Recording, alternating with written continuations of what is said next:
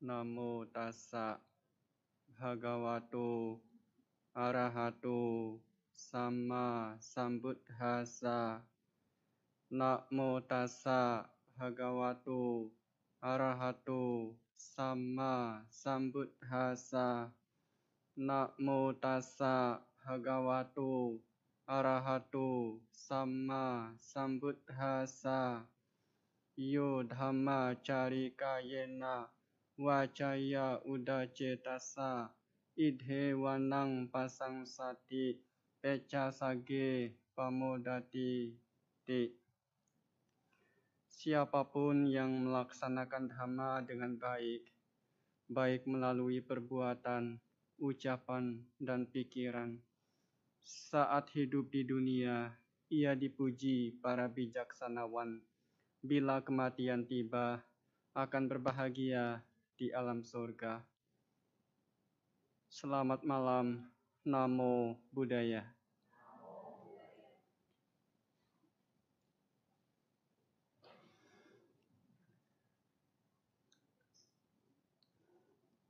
Pemimpin puja yang saya hormati, Bapak Ibu, Upasaka, Upasika, pengurus wihara yang juga saya hormati.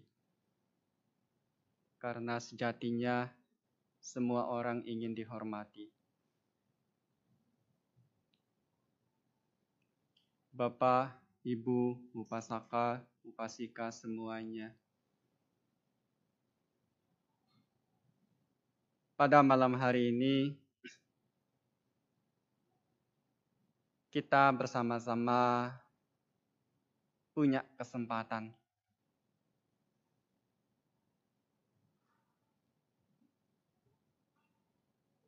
Kesempatan untuk melakukan kebajikan. Yang tadi Bapak Ibu, Upasaka dan Upasika semuanya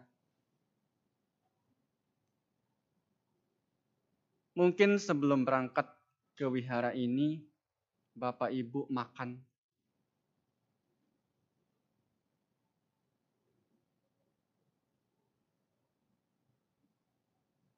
Makan yang cukup dan makan yang sehat.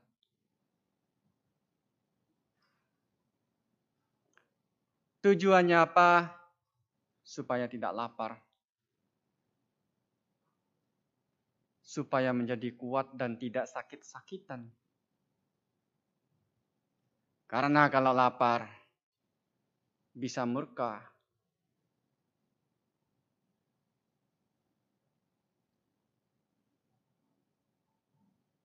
Bisa jengkel, bisa marah-marah. Sebagaimana tubuh kita ini Bapak Ibu, hati kita Ya, batin kita, jiwa kita ini juga butuh makan. Kalau tidak dikasih makan bagaimana? Bisa murka. Teman di samping yang kakinya dua bisa jadi kaki empat. Yang tadinya tidak telinga besar jadi telinga besar. Itu kalau batin murka. Karena kalau tidak dikasih makan, batin juga bisa sakit. Lalu apa makanan batin, Bante? Makanan batin adalah kebajikan, kebaikan, spiritual. Sehingga jauh dari rasa sakit.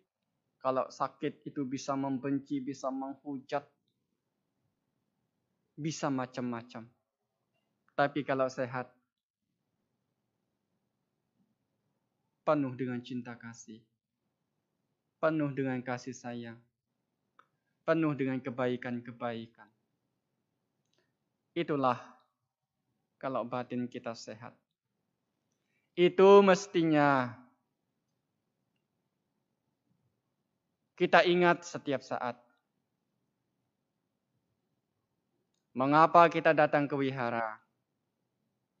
Mengapa kita perlu datang ke wihara untuk beribadah? agar supaya batin kita ini indah. Bukan untuk membuat masalah. Tujuan Bapak Ibu adalah untuk membina diri, untuk melihat diri sendiri, untuk memperbaiki diri sendiri, bukan melihat yang lain. Ingat, datang ke wihara adalah untuk beribadah agar supaya batin kita ini indah. Kalau indah, enak dilihat, enak dipandang. Karena kalau batin seseorang itu indah, dia penuh dengan cinta kasih dan kasih sayang. Tapi kalau tidak indah, seumpama Anda tidak sikat gigis, tidak pernah mandi, tidak dikasih make up, tidak dikasih poles-polesan, tidak enak dipandang. Tidak enak dilihat. Oleh karena itulah, pada malam hari ini Bapak Ibu punya kesempatan untuk memberikan makan bagi batin masing-masing. Bapak Ibu Upasaka, Upasika semuanya. Sebagai manusia,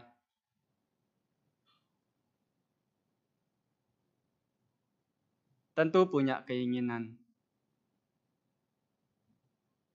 tentu punya harapan. Dalam hal ini kita sebagai umat Buddha yang mengenal Dhamma dan juga sebagai perumah tangga sebagai upasaka upasika juga punya keinginan, keinginan yang baik. Saat ini saya akan membagikan empat keinginan yang diinginkan oleh manusia. Yang jika diperjuangkan, yang jika diusahakan akan dapat dimiliki meski dalam kesusahan, dalam banyak rintangan, tetapi apabila diusahakan, diperjuangkan, bisa dicapai, bisa dimiliki. Apa yang keempat itu, Bapak Ibu? Yang pertama, semoga saya menjadi kaya dan kekayaan saya dapat terkumpul dengan cara yang baik dan pantas. Ada yang mau miskin?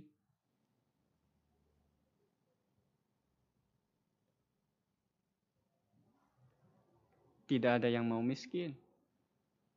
Saya yakin dan percaya, tidak ada yang mau. Itu sebabnya orang tua menyekolahkan, memberikan pendidikan bagi anak-anak agar supaya dapat pengetahuan, agar supaya dapat gelar, agar supaya dapat keterampilan, agar nanti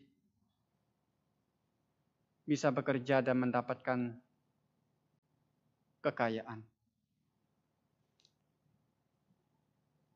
Karena dengan kaya, seseorang bisa melakukan banyak hal. Seperti halnya bisa merawat ayah dan ibu, anak dan istri, serta para pembantu, sehingga mereka-mereka juga hidup dengan bahagia. Kalau tidak punya kekayaan, bagaimana bisa merawat? Bagaimana bisa membantu? Tapi kalau punya kekayaan yang cukup, punya uang yang cukup, Bapak Ibu bisa menyokong, bisa membantu, bisa merawat orang tua, ayah dan ibu, anak dan istri, serta para pembantu dengan baik. Berapa? 75 tahun. Kalau dibagi tiga, 25 tahun apa? 25 tahun Coba sekarang renungkan ke dalam diri, tanya diri sendiri. Saya sudah berusia berapa? Periode pertama mungkin ada yang sudah melewati 25 tahun. Jika di sini ada yang berusia 50 tahun, sisanya lagi berapa?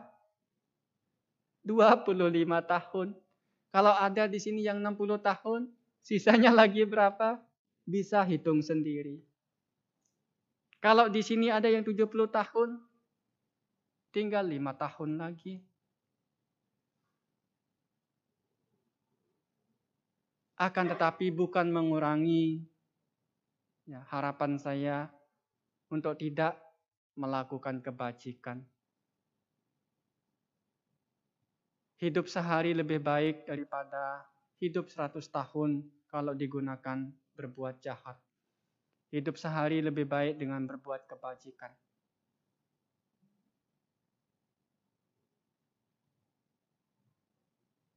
Bisa dengan melakukan dana, sila, dan samadhi. Aduh, samadhi itu susah sekali Bante. Tidak punya waktu, tidak ada, tidak ada waktu, tidak. Tidak punya kesempatan untuk bermeditasi. Saya berangkat kerja dari pagi hingga malam Bante. Jadi nggak nggak ada punya waktu untuk bermeditasi. Saya beberapa kali di sini isi meditasi Isinya berapa? Lima paling banyak. Padahal kursinya sekian banyak. Jangankan meditasi, sekarang saja puja bakti mendengarkan saya, ini banyak yang kosong depan-depan. Kenapa ini apa? Tidak kelihatan.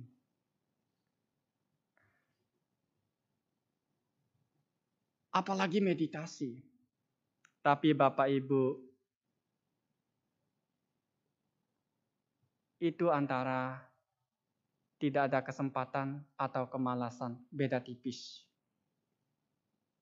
Karena umat Buddha itu begitu pandai. Pandainya apa? Pandai membuat alasan. Nanti Bante saya akan ke wihara bermeditasi ketika saya SMP. Karena masa SD ini masa main-main banyak tugas. Ketika SMP dia tidak menyadari kalau tugasnya lebih banyak. Nanti Bante ketika saya SMA, karena orang tua akan kasih kendaraan, saya akan datang. Eh, SMA juga lebih sibuk, mata pelajarnya lebih banyak. Nanti ya Bante ketika saya kuliah akan dikasih kendaraan lebih bagus. Dia lupa lagi kalau kuliah itu semakin sibuk. Aduh Bante ini ngurus skripsi. Aduh sibuk, pusing. Nanti ya ketika saya sudah lulus kuliah. Ketika saya sudah wisuda.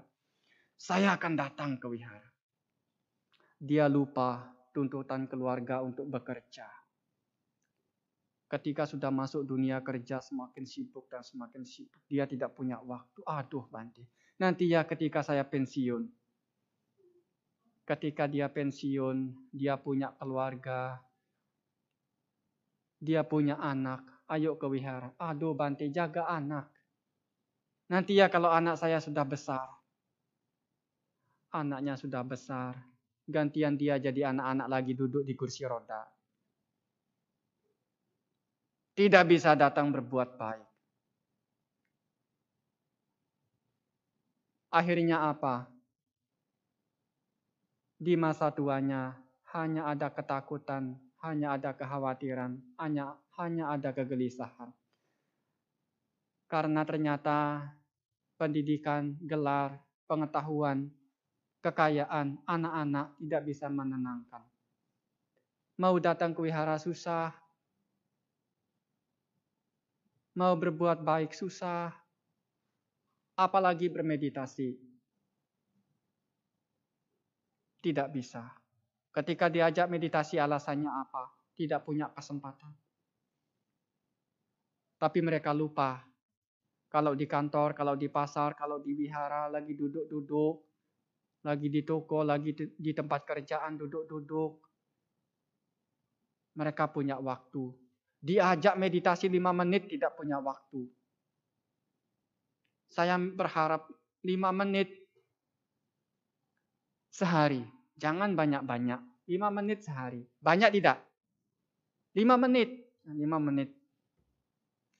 Tapi alasannya apa? Tidak punya kesempatan. Capek. Pagi masih ngantuk. Malam kecapean. Siang kerja. Tidak punya waktu. Eh, tapi ketika duduk di toko, duduk di pasar, duduk di tempat kerja, duduk di kampus, mereka ternyata ternyata punya banyak waktu. Bahkan lebih dari lima menit. Tapi digunakan untuk apa? Gosip-gosip. Bicara sana sini. Cari kesalahan orang lain. Lihat kesalahan orang lain. Bahkan lebih dari lima menit. Bermenit-menit bahkan berjam-jam. Tidak bosan-bosan. Satu topik telah selesai. Cari topik yang lain.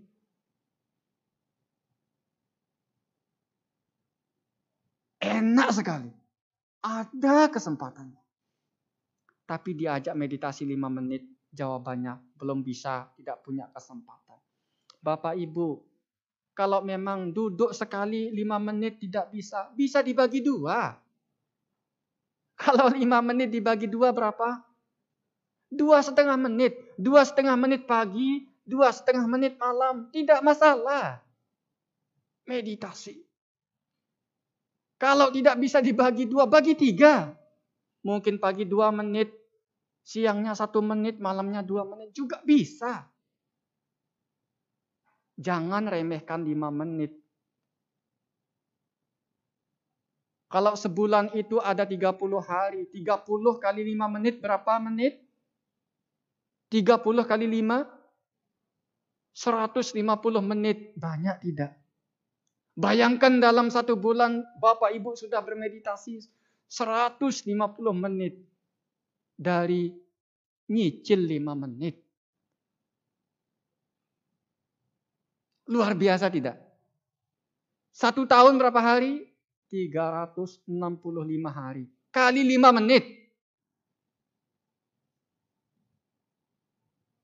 Kalau tidak salah 2825 menit kalau tidak salah. Dalam satu tahun. Nanti bisa dicek di kalkulator. 365 kali 5 menit. Itu luar biasa. Daripada tidak sama sekali. Ingat tadi gambaran-gambaran tadi. Kama, kamani mita, dan gati mita. Ketika 5 menit per hari, itu yang akan muncul dalam batin kita akan membumi dalam batin kita ini. Sebagai penutup, ada yang cerita sama saya. Seorang dokter spesialis bagian saraf.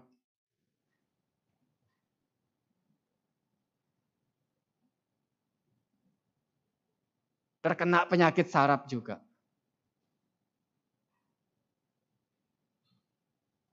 akhirnya jadi pelupa, tidak ingat siapa-siapa. Tapi satu hal yang diingat, masih bisa main piano dan lagu kesukaannya. Kalau disuruh main, dia bisa. Tapi kalau yang lain sudah lupa semua. Kenapa? Karena dia sukanya main piano. Kebiasaannya main piano.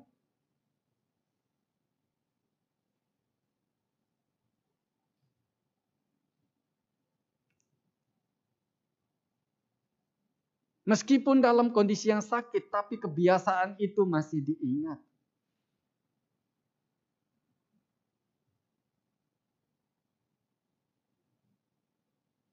Begitu penting untuk membiasakan diri kita dalam kebajikan. Saya tidak tahu sudah berapa menit saya bicara, tapi saya merasa sudah mungkin lebih dari 15 menit. Oleh karena itulah, lagi sekali saya berharap mari kita mengisi waktu kita ini dengan kebajikan. Terima kasih, semoga ini memotivasi. Jika tidak termotivasi ya jangan diambil hati. Kalau merasa tidak bermanfaat ya buang jauh-jauh, jangan tunggu saya angkat kaki dari sini. Sekarang juga buang jauh-jauh ya. Karena kalau menyimpan hal yang tidak bermakna, hal-hal yang tidak baik, itu akan merusak hati kita, merusak pikiran kita. Tapi kalau sekiranya dianggap baik, dapat dijadikan sebagai inspirasi, motivasi untuk jadi orang baik. Silahkan dikoleksi, silahkan dijalani. Semoga ini semua menjadi penyemangat untuk menjadi orang baik. Sabi sata, bawantu, suki tata, semoga semua makhluk hidup berbahagia. Pertanyaan yang pertama, bagaimana caranya bila sedang meditasi, pikiran kita jangan mengembara. Ya, terima kasih. Pertanyaannya bagus.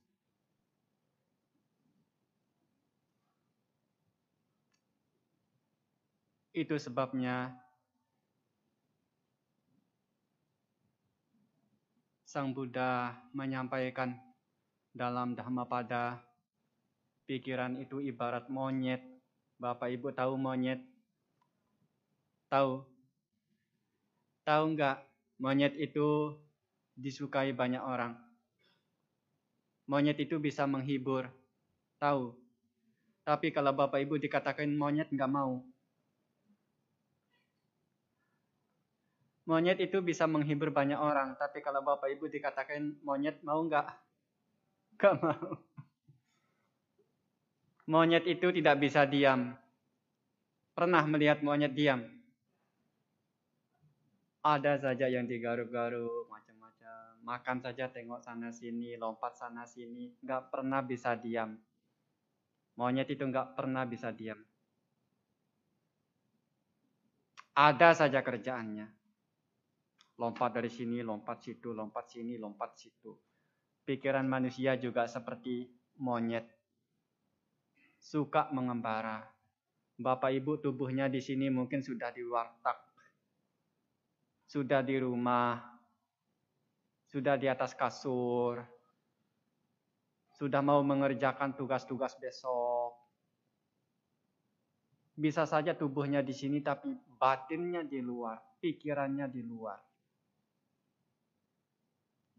Lalu bagaimana caranya supaya tidak mengembara ketika bermeditasi? Itu sebabnya Sang Buddha menawarkan banyak sekali objek meditasi. Kalau memang suka mengembara, objeknya adalah anapanasati. Bapak Ibu bernafas tidak? 24 jam kita bernafas, tapi pernah semenit pun menyadari nafas? Nafas adalah sahabat terbaik kita, tapi jarang kita mau perhatikan. Ketika bicara, kita tidak sadar akan nafas kita. Ketika kita bertindak, kita tidak sadar akan nafas kita. Padahal kita bernafas setiap saat, setiap detik, tapi kita jarang memperhatikannya.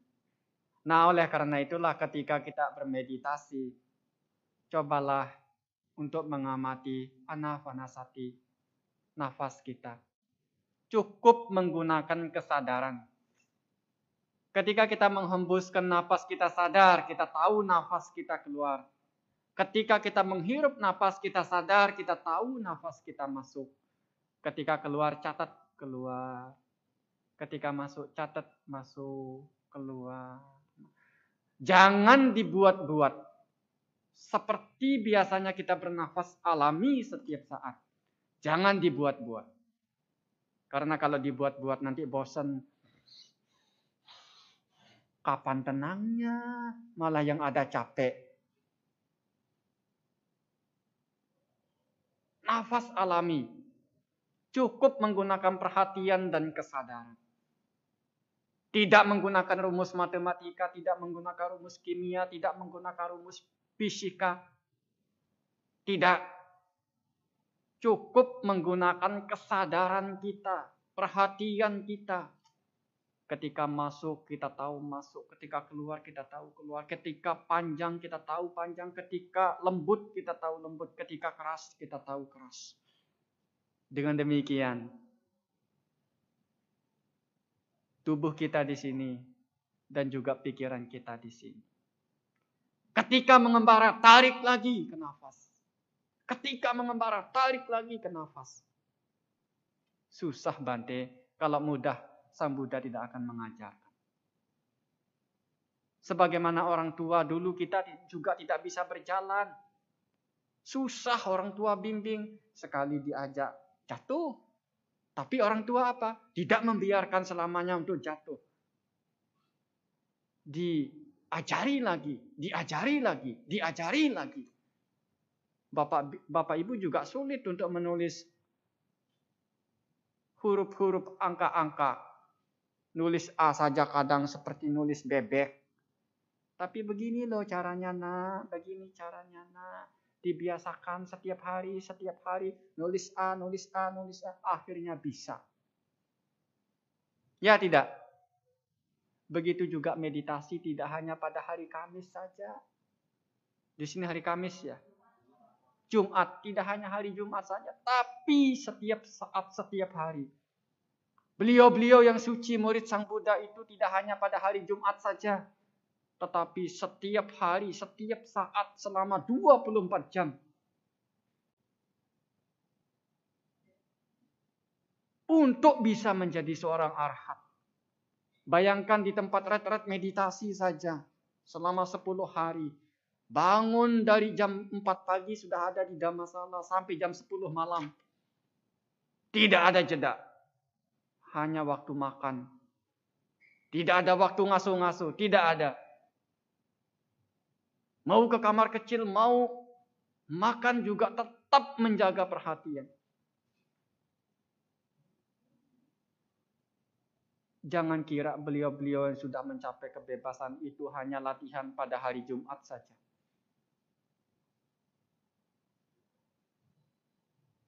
Memang susah menjaga pikiran. Tetapi karena susah itulah upayakan lima menit. Setiap hari. Nafas masuk, nafas keluar. Nafas masuk, nafas keluar. Lima menit.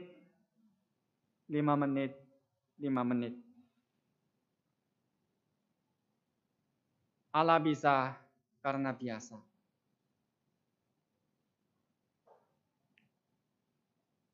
Pikiran yang mengembara akan menjadi jinak. Meskipun dia mengembara, tetapi akan mudah untuk ditarik lagi. Akan mudah untuk bersahabat. Dan saya yakin dan percaya kalau sudah terbiasa mengamati nafas, mengamati objek meditasi, akan memperoleh ketenangan dan kebahagiaan ketika duduk diam di rumah atau di tempat-tempat meditasi kebahagiaan yang tidak terlalu menguras tenaga. Kalau Bapak Ibu ingin bahagia, ingin piknik namanya ya. Ingin healing ya namanya. Kalau liburan pergi healing ke Bogor, ke puncak, macet. Sudah jauh, macet pulangnya apa cari tukang pijit. Sudah uangnya habis, tubuhnya ringsak, ingin dipijit-pijit. Apakah itu bahagia? Udah besoknya Senin masuk kerja, aduh. Akan tetapi Sang Buddha menawarkan duduk diam gratis dengan bermeditasi. Kita juga bisa bahagia. Di mana? Di sini, tepat dalam batin kita. Tidak perlu dipijit, kita sudah bisa healing ketika kita duduk. Hanya mengamati nafas masuk, nafas keluar. Sudah tenang, sudah damai, sudah bahagia. Jauh lebih bahagia ketika pergi ke mana-mana. Tidak panas, tidak keringetan. Oleh karena itulah, meskipun sulit dilatih, dilatih sehingga menjadi terlatih. Itu ya salah satunya kalau tidak mau mengembara pikirannya. Kalau itu tidak cocok bisa yang lain, bisa dengan budho, budho, budho. Atau bisa dengan kembang kempis perut. Terkadang kita tidak sadar ketika duduk ini selama kita bernafas perut kita juga mengalami kembang kempis, kembang kempis ya tidak. Tapi jarang kita mau perhatikan. Atau bisa dengan yang lain, banyak sekali. Mana yang cocok. Begitu ya. Terima kasih yang bertanya. Yang kedua,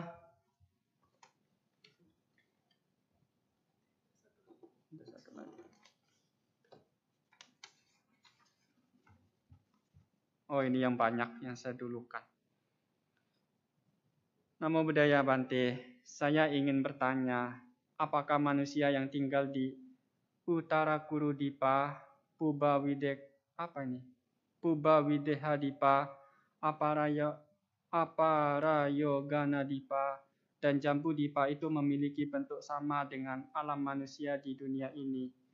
Jika diperhatikan pada saat dibahas mengenai rata-rata umur manusia pada kehidupan sekarang, alam manusia yang kita tempat berada di Jambu Dipa.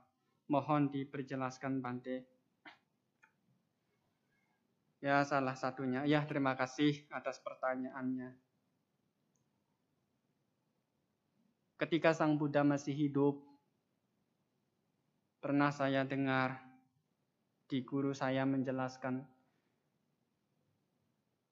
itu disebut jambu dipa.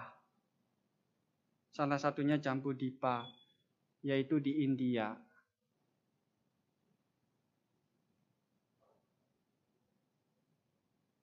Memang memiliki usia yang panjang.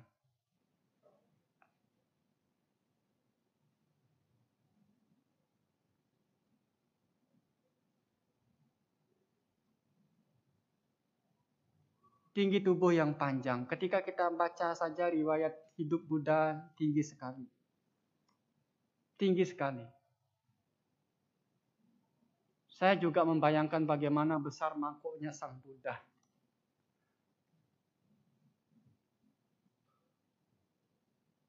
Itu salah satunya disebut sebagai jambu dipa yang sama seperti manusia saat ini. Hanya saja kenapa karena setiap 100 tahun sekali usia manusia berkurang satu tahun. Sekarang sudah berapa abad Sang Buddha Parinibbana?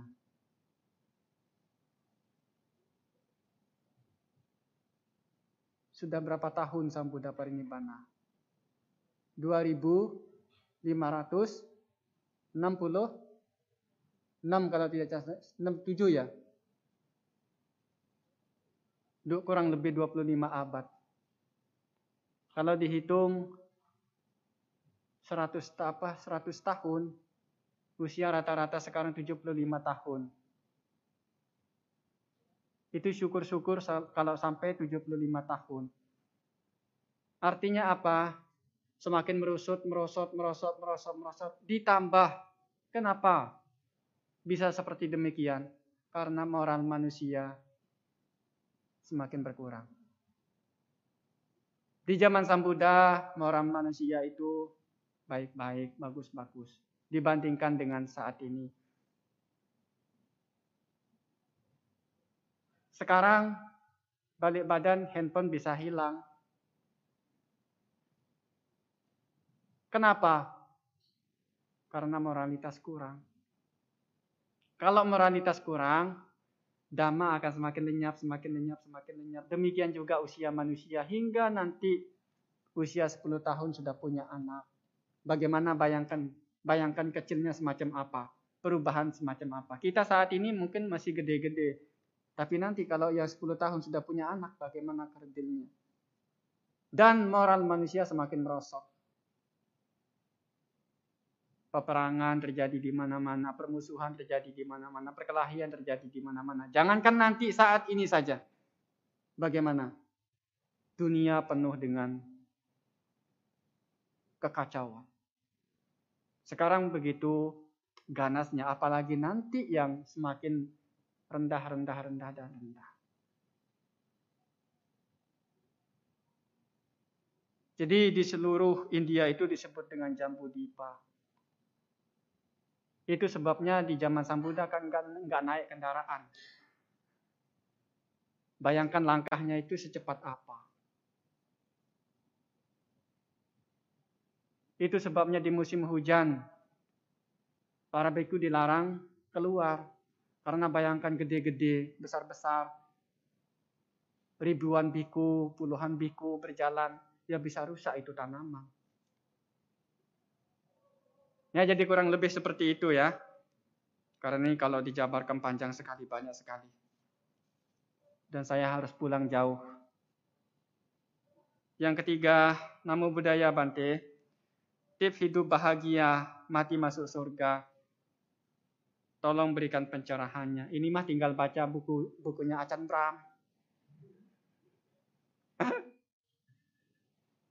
ya, tinggal baca bukunya Acan Bram tips hidup bahagia, mati masuk surga.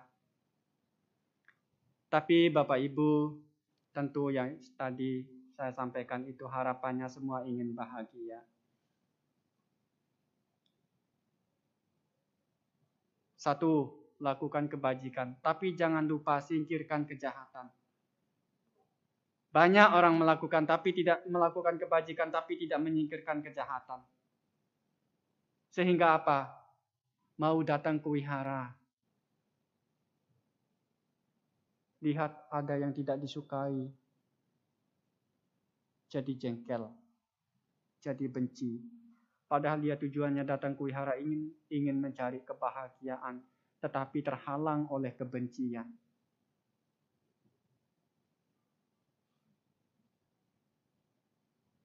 Ingin berdana, tetapi yang datang bantainya yang tidak disukai.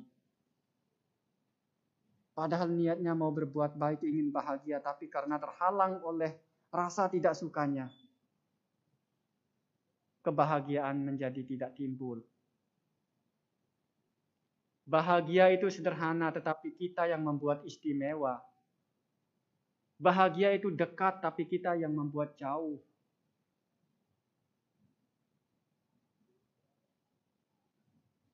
Bahagia itu tidak rumit, tapi kita yang membuat sulit. Karena kebahagiaan itu relatif. Kalau para biku punya jubah, punya makanan saja sudah bahagia. Tapi belum tentu dengan Bapak Ibu. Punya tabungan satu seratus juta belum cukup ya, belum bahagia. Cari yang lebih, lebih, lebih, lebih banyak lagi. Yang pertama, lakukan kebajikan dan singkirkan kejahatan. Yang kedua, bersyukur atas apa yang kita miliki. Bersyukur bisa dilakukan karena mengerti kebaikan, mengerti akan dhamma. Bahwa segala sesuatu tidak kekal adanya. Kadang kita bahagia, kadang kita menderita. Kadang kita di atas, kadang kita di bawah. Terkadang kita terkenal, terkadang tidak. Terkadang kita dipuja-puja, terkadang kita dicela. Kita pahami itu. Kemudian kita bersyukur atas apa yang kita miliki. Saat ini saja kalau kita bersyukur masih bisa hidup, kita akan bahagia. Karena banyak orang yang sudah tidak mampu bertahan melewati COVID tidak hanya orang miskin, tetapi bos-bos besar banyak yang lewat. Orang-orang kaya banyak yang lewat. Kita kalau bersyukur hari ini kita akan bahagia. Masih bisa menikmati kehidupan ini. Bahagia seperti yang saya katakan tadi, punya harta duniawi dan punya harta kebajikan spiritual. setelah kematian tiba, saya jamin akan terlahir di alam-alam bahagia, di alam-alam surga.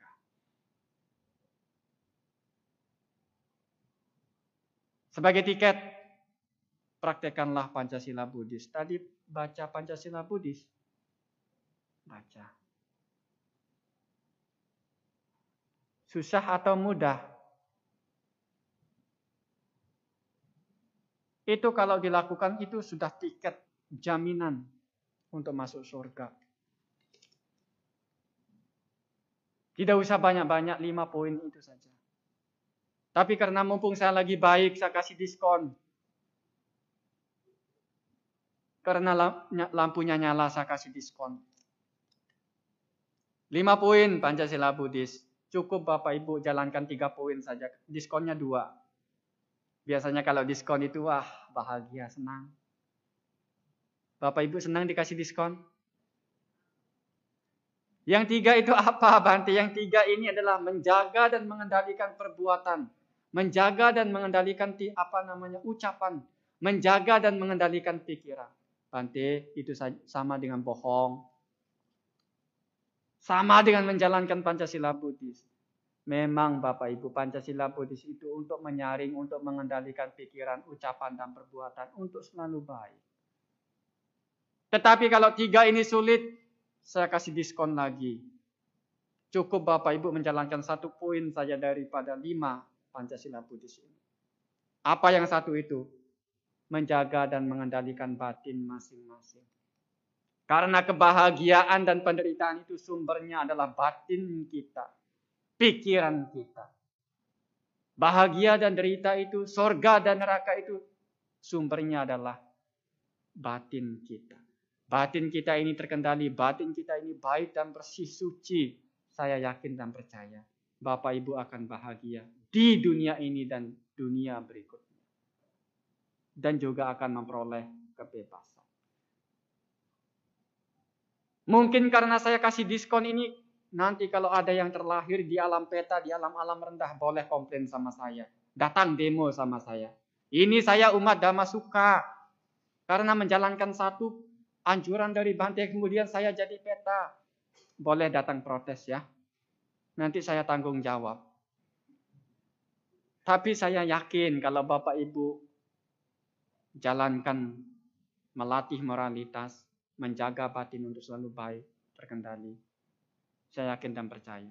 Kebahagiaan di dunia ini dan masa mendatang serta kebebasan akan Anda miliki. Ada salah satu cerita Bante hanya menjalankan satu poin dari 227 Patimokkha. Ada Bante yang ahli Pali bertanya, apakah benar Bante hanya menjalankan satu poin dari Patimokkha? Iya benar. Apa yang satu itu? Menjaga dan mengendalikan batin untuk selalu baik dan terkendali. Bersih, suci. Gak bisa ngomong apa-apa. Buat apa yang 227 itu? Kalau batin sudah baik, sudah bersih. Buat apa Pancasila Buddhis itu kalau sudah baik dan bersih? Karena Pancasila Buddhis itu hanya sebagai sarana untuk membersihkan batin kita. Hanya sebagai sarana. Kalau sudah bersih ya buat apa dilekati? Tidak terpakai lagi. Karena saya yakin dan percaya di mana pun Anda berada, ke mana pun Anda pergi, tidak akan melakukan kejahatan lagi. Dengan demikian, Anda akan bahagia. Terima kasih.